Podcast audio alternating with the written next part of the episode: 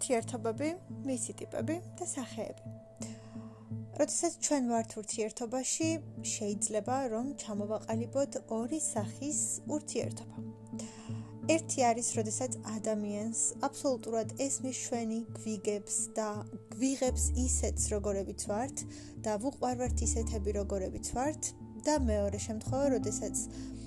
ადამიანს მოვწონვართ, ვიზიდავთ, რაღაცები მოსწონს ჩვენში, მაგრამ არის რაღაც ნაწილი, რაც მისთვის ან მიუღებელია, ან არ მოსწონს და აუცილებლად ცდილობს რომ შეგწვალოს. ცდილობს რომ შეცვალოს ჩვენში რაღაცები, მოარგოს თავის ხასიათს, მოარგოს თავის გემოვნებას, თავის სურვილებს, თავის მოთხოვნებს და ფაქტობრივად შეგწვალოს ჩვენ. ასეთ შემთხვევაში ცოტათი რთული არის ხოლმე ურთიერთობა, რადგან მეორე ადამიანი შენში მოითხოვს ცვლილებებს და რაღაცების შეცვლას, რაც აქამდე შეიძლება ძალიან ბუნებრივი იყო, ის როგორიც შენ იყავი აქამდე, რასაც შენ აკეთებდი, როგორც აკეთებდი, როგორც ცხოვრობდი და რაღაცნაირად ცდილობს, რომ შეგიცვალოს ცხოვრების წესი, სტილი. გასწავლოს რაღაცები და ასეთი ტიპის ურთიერთობაში რაღაცნაირად ყოველთვის თითქოს მასწავლებლის ან მკაცრი ადამიანის როლს ირგებენ, რომელიც აი ესე დგას და გასწავლის როგორ უნდა მოიქცე, რა უნდა გააკეთო, როგორ უნდა გააკეთო, რა უფრო სწორი იქნება და რაღაცნაირად რაღაცებს მკაცრად მოითხოვს თითქოს შენგან. და თუ არ გააკეთე ისე, როგორც მას მოეწონება და მას სურს, შემდეგ უკმოყოფილოა, გაბრაზებულია, გაღიზიანებულია, არ სიამოვნებს და ერთ-ერთი აუცილებელი მოთხოვნა ხდება ის, რომ იცხოვრო ისე და გააკეთო ისე, როგორც მას სურს, როგორც მას უნდა და როგორც მას მოეწონება. და თუ ასე არ მოხდა, იმ შემთხვევაში ვიღებთ გაღიზიანებას, ვიღებთ აგრესიას და ვიღებთ უკმაყოფილო მდგომარეობას, რომ არ მოსწონს ეს ყველაფერი, რომ მისთვის მიუღებელია ეს ყველაფერი და შესაბამისად ურთიერთობაც უფრო ნაკლებად ეწყობა. ასეთი ტიპის ურთიერთობაში ერთი მხარე ყოველთვის არის ძალიან ძალიან დიმენდინგი და გამუდმებით მოითხოვს ჩვენგან რაღაცას, ოღონდ ვერ ხვდება რომ ამ ყოველფრით ცდილობს რომ შეგცვალოს. შეიძლება ბევრი რამ მართალიც იყოს და შეიძლება ბევრი რამ კარგიც იყოს და კარგად და კარგისკენ უნდადეს ჩვენი შეცვლა. თუმცა ამ შემთხვევაში მგონია რომ გააჩნია ფორმას როგორ ჩამოაყალიბებს, როგორ მოგვაწვდის, როგორ გეტყვის თუ ეს იქნება უფრო თხოვნითან, ძალიან მსუბუქი რჩევის სახით, ან უბრალოდ კარგი იქნებოდა, ასე გექნედა გაგეკეთებინა, ალბათ უფრო მეტად მისაღები იქნებოდა და ზოგადად თუ ცოტა უფრო მეტად თხოვნის ან სხვანაირი სახე ექნებოდა, შეიძლება მეორე ადამიანს თვითონაც კი მოუნდეს, რომ რაღაც გააკეთოს, იმიტომ რომ შენ მოგეწონოს ან გასიამოვნოს, ან გაგახაროს და თავისთავად გაჩნდეს სურვილი რომ გააკეთოს, მაგრამ როდესაც ხვდებით რომ აა ისე გელაპარაკებიან თითქოს შენ რაღაცას არასწორად აკეთებ და ეს როგორ ქენი ეს როგორ გააკეთე ასე როგორ მოიქეცი და რომ შენ აუცილებლად დამნაშავე ხარ და თითქოს რაღაც ძალიან ძალიან დიდი შეცდომა და უშუალოდ ცოტა არ იყოს გაღიზიანებას იწვევს და აღარ გვაქვს იმის სურვილი რომ ამ ურთიერთობაში დიდად ჩართულები ვიყოთ იმიტომ რომ მუდმივად მუდმივად რაღაცას მოითხოვენ. თითქოს ჩვენგან სურთ რაღაც სრულყოფილი სახის მიღება და სრულყოფილი სურათის ნახვა. აქედან გამომდინარე ცოტათი რთული არის ასეთ ურთიერთობაში ყოფნა და გაჩერება იმიტომ რომ მუდმივად გიწევს ამტკიცო რაღაც მუდმივად გიწევს ამტკიცო რომ შენ კარგი ხარ რომ შენ ამ ურთიერთობაში ყოფნას იმსახურებ რომ შენ შესაფერისი ხარ რომ შენ ძალიან ბევრს აკეთებ და ასე შემდეგ და ასე შემდეგ მაგრამ რეალურად ძალიან რთული არის რომ მუდმივად იყო მუდმივად იყო ასეთ მდგომარეობაში. მაშინ როდესაც მეორე ტიპის ურთიერთობა არის ის, როდესაც ადამიანს უყვარხარ, აა გიღებს უბრალოდ ისეც, როგორიც ხარ, მოსწონს ყველა შენი თვისება და ხასიათი. ამჩნევს რა თქმა უნდა შენში არსებულ ნეგატივს და უარყოფით მხარეს, ამჩნევს შენში აა ძალიან ბევრ უარყოფით მხარეს, მაგრამ ეს ყველაფერით და ეს თვისებებიც უყვარს და რაღაცნაირად ცდილობს რომ მიიღოს ან გაგიგოს. ყოველ შემთხვევაში აი ესე გინდა თუ არა შეიცვალე არა. და უბრალოდ გაძლევს რჩევას, ან უბრალოდ გეუბნება რომ ეს არასწორია და აი კარგი იქნებოდა ასე ყოფილიყო და უბრალოდ შენ თვითონ დაფიქრდი ან იმუშავე თუ გინდა ამაზე, მაგრამ თუ არ გინდა და თუ ასე რჩება, მე ამასთანაც საკმაოდ კარგად ვარ და შემიძლია რომ ეს ყველაფერი მივიღო. ყოველ შემთხვევაში ეს ადამიანებიც რა თქმა უნდა ცდილობენ რომ ჩვენ კარგისკენ წაგვიყვანონ და განვითარება ვნახოთ. ზოგადად მგონია რომ ნებისმიერი ურთიერთობა რომელშიც ვართ და რომელშიც ვიმყოფებით თუ არ მიდის და თუ არ მიიწევს განვითარებისკენ და ჩვენი განვითარებისკენ პირველ რიგში არც თუ ისე კარგი და არც თუ ისე სახარბიელოა იმიტომ რომ ნებისმიერი ურთიერთობა ნებისმიერი ურთიერთობა, რომელშიც ვიმყოფებით, უნდა მიდიოდეს განვითარებისკენ და აუცილებლად უნდა იყოს ეს ყველაფერი. აუცილებლად უნდა იყოს ის, რომ ჩვენ ამ ურთიერთობაში მე თუ სწავლობდეთ, ვიგებდეთ, უფრო უფრო კარგები ვხდებოდეთ, ვიდრე ვიყავით გუშინ და ზოგადად განვითარება უნდა გქონდეს ამ ყველაფერს და ჩვენთვის სასიკეთო განვითარება. ყოველდღიურად უნდა ვგრძნობდეთ, რომ რაღაც უფრო მეტი ვისწავლეთ, მეტი შევიძინეთ და ის ადამიანი უნდა ხდებოდეს მოტივატორი, რომ უფრო მეტი მეტი გავაკეთოთ და უფრო მეტი გვინდოდეს, მაგრამ არა ისე რომ შენ ცუდი ხარ, ან შენ რაღაცებს არასწორად აკეთებ და მოდი ასე კი არ გააკეთო, ესე გააკეთე. ყოველ შემთხვევაში ეს არ უნდა იყოს გამაღიზიანებელი ტონით ნათქვამი და იმ კუთხით, როდესაც მეორე ადამიანი შენ ისეც როგორიც ხარ ვერ გიგებს და ვერ გიღებს უბრალოდ და ცდილობს რომ შეგცვალოს. საბოლოო ჯამში მე არ მგონია რომ ადამიანები იცვლებიან. შე ანუ რა თქმა უნდა არის გარკვეული საკითხები რაშიც ვიცვლებით და ყველა იცვლება იმიტომ რომ შეუძლებელია მუდამ ერთ რაღაცაზე დარჩე და არ განვითარდი არ შეიცვალო. ისეთები აღარ ვართ როგორებიც ვიყავით 10 წლის როგორებიც ვიყავით 15 წლის შემდეგ 20-ის 25-ის 30-ის ანუ ყოველ 5 თანად წელში ძალიან იცვლება ჩვენი ხასიათი და თვისებები მაგრამ არის რაღაცები რასაც ვერასოდეს ვერ შეცვლი. უბრალოდ აი როდესაც ეგეთ თვისებებს და ეგეთ საკითხებს ეხება რომლებსაც ვერ ვერასოდეს ვერ შეცვლი და რომელიც ჩვენში ძალიან რთულად ან არიცვლება, აა საბოლოო ჯამში გამოვარო რაღაც გარკვეული პერიოდი, თამაშობ, ასე ვთქვათ, ატყუებ,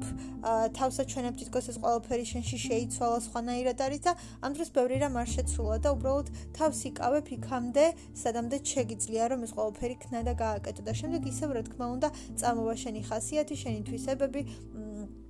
და ნუ მოკლედ რა თქმა უნდა გამოამჟღავნებ და გამოავლენ შენ თვისებებს და გამოავლენ შენ ხასიათს. აქედან გამომდინარე ცოტათი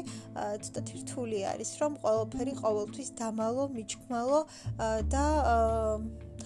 აი ესე რაღაც ითამაშო, რომ თითქოს ეს ყოველფერი შეიცვალა.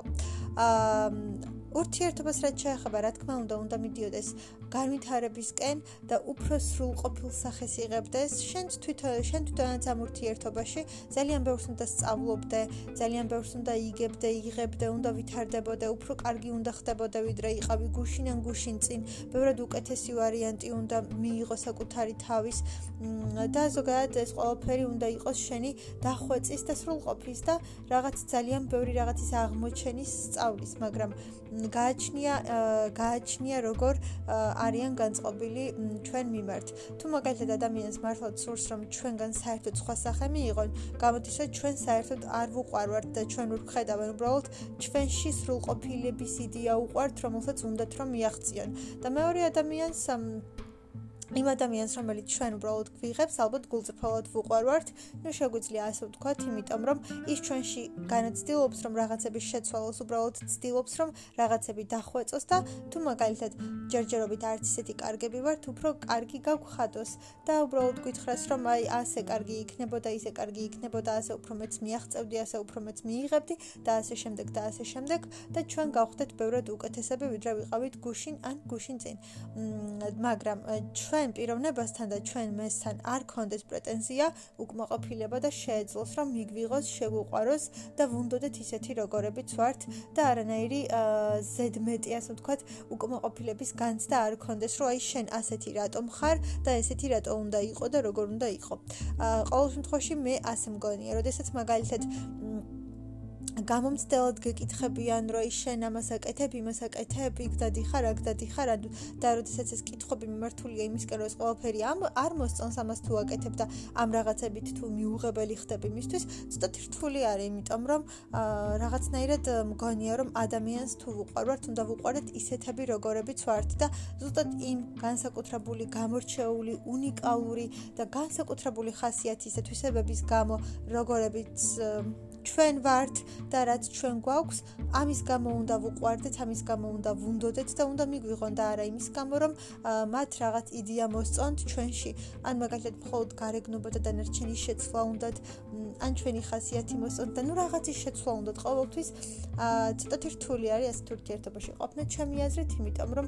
რაც არ უნდა ვეცადოთ და როგორც არ უნდა ვეცადოთ და რაც არ უნდა გავაკეთოთ, საბოლოო ჯამში ყოველთვის იქნება ის ეტაპი და ის პერიოდი, რომ რაღაც არ მოე ეწონება, რაღაც მაინც იქნება მიუღებელი, რაღაცაზე მაინც იფიქრებს, რომ ეს შეიძლება უკეთესად ყოფილიყო და უკეთესი იყოს თუ ასე იქნებოდა და მუდმივი უკმაყოფილება და მუდმივად იმის განცდა, რომ უნდა შეგცვალოს და აი ახლა ეს რომ გააკეთე, ახლა კიდევ ეს აქ შეგასაკეთებელი და კიდევ ეს და კიდევ ეს.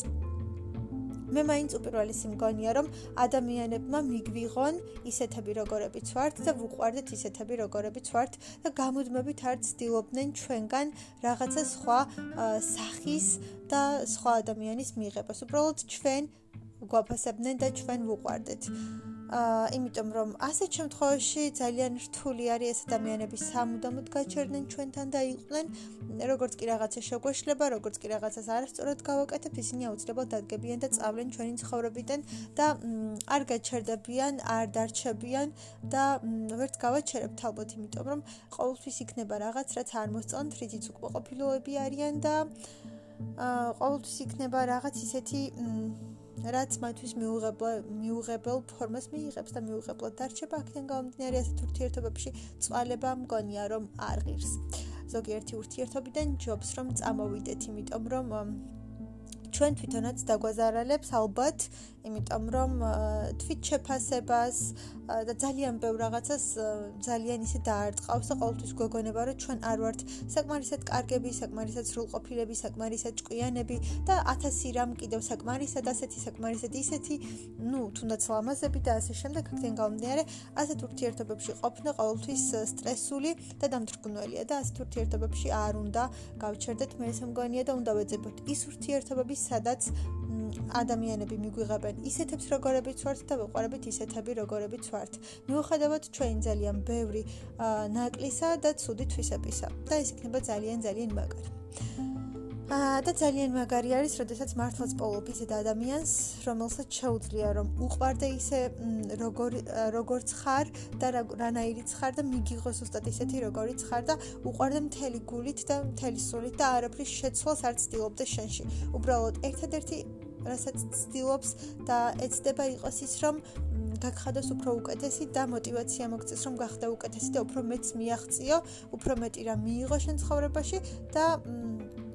იყო მაგალითად უფრო მეტად წარმატებული, შექმნა უფრო მეტად კარგი მომავალი, გააკეთა უფრო მეტი რამ, რაც სამომავლოდ შენ ცხოვრებას ძალიან დაეხმარება და წინ წაწევს. იყო ძალიან წარმატებული, გქონდეს წარმატებული კარიერა. არ ვიცი, ყველაფერი რაც კი შეიძლება რომ იყოს თითოეულ სფეროში ვცდილობდეთ რომ мотивация მოგცეს, мотивация იმისა რომ გახდე უფრო კარგი და ბევრად უკეთესი ვიდრე იყავი გუშინ და ეს ყველაფერი უბრალოდ ხდებოდეს იმის გამო, რომ ძალიან უყვარხარ. და უბრალოდ სურვილი იმისა, რომ შენ ყველაფერი კარგად გქონდეს და უფრო მეც მიაღწიო და რა თქმა უნდა, იყო დამოუკიდებელი და არ იყო თუნდაც მასზე დამოკიდებული. ესეც ალბათ ერთ-ერთი ყველაზე მთავარი და მგონია რომ ერთ-ერთი ძირითადია, როდესაც შენ უნდა იყო დამოუკიდებელი და შეგეძლოს რომ ყველაფერს გაუმკლავდე შენი ძალებით და მოკლედ შენ თვითონ იყო იმდენად მყარი და ძლიერი რომ ბევრ რაღაცას გაუმკლავდა, იმიტომ რომ არავინ არ იცის ცხოვრება როგორ შეიძლება სამომავლოდ, შეიძლება ერთ დღესაც უბრალოდ გარკვეული მიზეზების ან რაღაცების გამო მარტოც დავრჩეთ და ისე არ უნდა მოხდეს, რომ მთელი ქვეყანა და სამყარო თავზე დაგვექცეს და ჩვენ უნდა შევძლოთ და ვიპოვოთ საკუთარ თავში ის ზალა და ძალები რომ ფეხზე დავდგეთ, გზა გავაგრძელოთ და რაღაცებს მივახციოთ, რაღაცები ვიპოვოთ და მოკლედ არ დავიკარგოთ დროში და სივრცეში და რაღაცნაირად შევძლოთ რომ გადავირჩინოთ თავი და საკუთარ თავს რაღაცები გავუკეთოთ და არ ვიყოთ აბსოლუტურად მარტო და სრულ სიცარიელეში და უბრალოდ ვიყოთ ძალიან ძლიერები და მყარები. და ეს სიძლიერე იმ ადამიანს უნდა უნდა უნდადეს რომ გქონდეს. სიძლიერეც და დამოუკიდებლობაც და წარმატებაც, იმიტომ რომ ამ ყველაფერმა შეიძლება შენი ცხოვრება სამომავლო ძალიან განსაზღვროს და განაპირობოს. გისურვებთ რომ იპოვოთ თქვენთვის სასურველი ადამიანი, ვისაც მართლაც ეყარებით, მთელი გულით და სულით ისეთები, როგორებიც ხართ და არ ეცდება არაფრის შეცვლას პირიქით, მიგიღებთ ისეთ, როგორებიც ხართ და შეეცდება რომ ის პატარ-პატარა რაღაცები ისე შეცვალოს თქვენში, რომ თქვენ ამას ვერც კი მიხვდეთ და არც კი გეწყინოთ და უბრალოდ ყოველთვის თვლიდეთ და ფიქრობდეთ, რომ ეს ადამიანი ძალიან ძალიან გეხმარებათ, გვერდით გიდგათ, თქვენს გვერდით არის და ყოველთვის მხარში გიდგათ, როცა გჭირდებათ, ყოველთვის გეხმარებათ და რომ ის ადამიანია, ვინც ცდილობს, რომ თქვენი ცხოვრება უკეთესი გახადოს და უფრო მეტად ბედნიერი, უფრო მეტად ნათელი, უფრო მეტად წარმატებული და უფრო მეტად კარგი, რომ პირველ რიგში თქვენ მიიღოთ ეს ყველაფერი და თქვენ დათქმეთ ამ ყველაფრით და თქვენ იყოთ კმაყოფილები ამ ყოველფრით, რომ აი ამდენი რამ გააკეთეთ და შეძელით.